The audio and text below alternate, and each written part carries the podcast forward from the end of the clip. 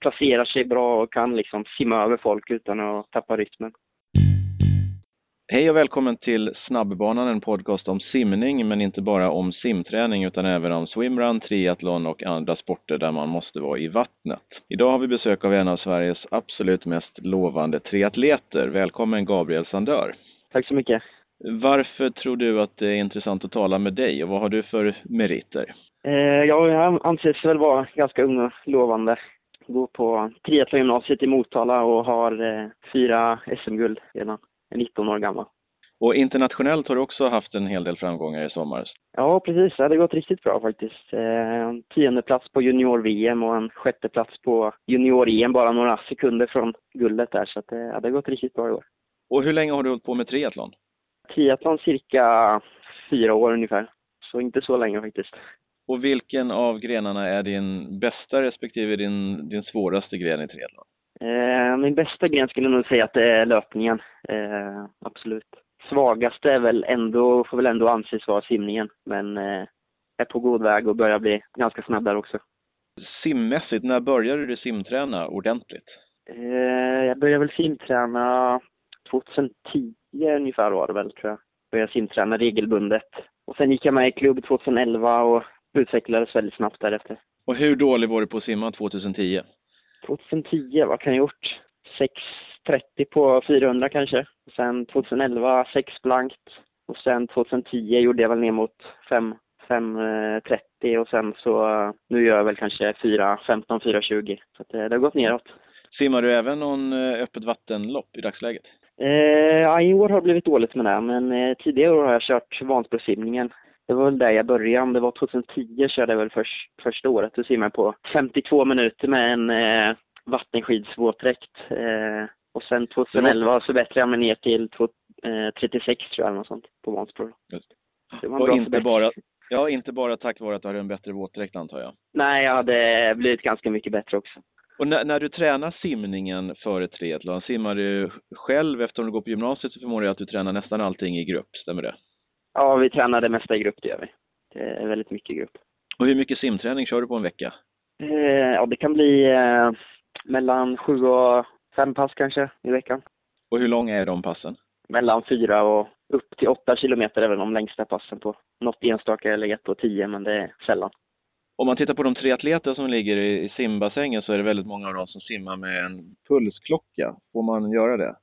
Det tycker jag är lite onödigt, ja. verkligen. Ja, Ja, det, bra svar. Vad, och när du simmar, hur viktig är simningen för dig i triathlon? Simningen är ju väldigt, väldigt avgörande för min del. Det är ju. Det är det som avgör om man hänger med i loppet eller om det, om det är kört redan där. Eh, så det, det är väldigt viktigt att ligga med liksom. Sen behöver du inte vara först upp i vattnet, det behöver man inte vara, men man vill ändå vara med i loppet. Och i dagsläget, med tanke på att du har simmat så pass få år, klarar du av att hänga med där du måste? Jag behöver väl utvecklas en del för att hänga med världsliten, det gör jag ju juniorloppen har jag legat med första klungan alla loppen här, så det, där ligger jag med. Sen testade jag ju att köra med mot världseliten i Stockholm då. Då uh, var jag väl en minut efter på 1500 meter, så att jag har en del att jobba på, men jag närmar mig i alla fall. Och vad har du för målsättning? Det är väl långsiktiga målet är ju OS 2020 i, i Tokyo. Det, det är ganska klart. Hur mycket bättre måste du bli än vad du är i dagsläget? Ja, det är väl svårt att säga egentligen. Eh, jag har ju testat på och mött flera som varit med i OS. Och eh, det är klart det är en bit upp, men det, jag närmar mig. Jag är på god väg. Och om man tittar på de som är riktigt, riktigt bra i världseliten, hur mycket bättre är de på själva simdelen? Du sa en minut ungefär på 1500. Är det där de bästa ligger? Ja, klart i bassäng kanske de är ännu lite snabbare. De, ligger, de bästa ligger väl på kanske 15 blankt på 1500 i, i långbana liksom. Eh, så att det, de är snabba. Och vad är skillnaden på bassäng jämfört med eh, triathlon öppet vatten i själva simteknik och taktik? Nej, man behöver vara rätt tuff. Speciellt starterna är ju väldigt kaotiska. Liksom. Det är inte alls mycket simning utan det är mycket, mycket fight. Där. Så att man, eh, man behöver lite erfarenhet att simma i öppet vatten också. Så att man får några lopp och vänjer sig och att man kan ta lite stryk och ändå fortsätta simma. Eh, så runt bojarna brukar det också vara väldigt kaotiskt. Så man placerar sig bra och kan liksom simma över folk utan att tappa rytmen. Och vad är teknikmässigt? Är det någon skillnad i tekniken om man undantar det som alla förstår att man måste kunna navigera? Är det något annat som man är helt annorlunda i öppet vatten triathlonsimning? Nej, men det är väl att du aldrig får vila riktigt. Du får inga vändningar heller. Så det är ju lite annan simning. Att du simmar kontinuerligt hela tiden. Och sen är det ju det här med att kolla upp också så att man får in det i simningen på ett bra sätt också. Eh, Hur ofta tittar du när du simmar i öppet vatten? Det beror lite på. Har jag några fötter framför så, så slipper jag kolla upp lika mycket. Klart jag vill kolla upp någon gång ibland och se om han som ligger framför är helt ute och cyklar liksom. Men kanske, vad blir det? Var femte armtag, var sjätte kanske. Om du ligger och draftar bakom någon, lägger du dig precis bakom fötterna eller lägger du dig vid knän eller var ligger du? Ja, helst, helst höften vill man ju ligga till. Det är ju egentligen det bästa, men annars är ju ligga på fötterna väldigt bra. Men så nära som möjligt. Ligger man tre meter bakom, då får du ingen eh, drafting-effekt riktigt. Så man vill ju ligga ganska tajt på. Och om man tittar på eh, den typen av träning, gör ni någonting sånt i bassäng också för att efterlikna öppet vattenträning? För det kan vara svårt att köra öppet vattenträning i eh, Motala i oktober. Ja, precis. Under hösten och vintern kör vi väl inte så mycket sån specifik träning, men sen när det närmar sig vår och sommar, då börjar vi få in lite mer öppet vattenträning i bassäng också. Då. Och vad är bästa träningslägret om man ska åka någonstans där det är lite varmare? Har du något tips? Eh, ja, då måste jag väl säga Pleitos är väl ganska perfekt. Jag har varit där eh, tre gånger tror jag. Fyra. Tre gånger tror jag. Eh, det är ett riktigt bra ställe. Det är det. Mallis är väldigt bra också, men eh, Pleitos är väldigt bra klimat. Eh, klart lite blåsigt, men det är väldigt bra för cyklingen. Man blir väldigt stark där. Och mycket backar på cyklingen. Och klockren simbassäng också. Om man tittar på det som du tränar på, har du någon favoritserie? Favoritserie? Ah, jag, jag tycker om att springa på, om man säger löpning, då är det väl bana som jag gillar att köra mycket. Mm. Men riktigt hårda banpass är roligt. Och vad skulle det kunna vara ett exempel? 10 gånger 1000 är väl en kul serie också på bana. Och i cykel? Uh, ja, jag gillar att cykla backar och berg, det är det bästa. I Östergötland finns det inte så mycket backar dock, men uh, komma ut på Fuerteventura där så finns det mycket, mycket berg och fjäll, så det är riktigt skoj. Och simmässigt, har du någon favoritsimserie? Ja, det finns väl några snarare hatserier som man hatkärlek till i så fall. Det är väl typ 30 gånger 100 eller något så här med start en 25 eller något. Det... Trösk, tröskelfart? Ja, precis. Sådana. Det kan ju, om, det, om man har en bra dag, då kan det ju vara riktigt kul. Men har man en dålig dag, då är det, då är det inte så kul. Hej, vill du tjäna 1000 kronor? Då har jag ett jättebra förslag till dig. Tipsa lagkassen på info.lagkassen.se om en förening som vill börja tjäna pengar. Om det blir en deal och att de börjar tjäna pengar tack vare lagkassen, då får du som har tipsat 1000 kronor. Jätte, jättelätt. Tipsar du 10 lag, om 10 lag alltså, då tjänar du 10 000.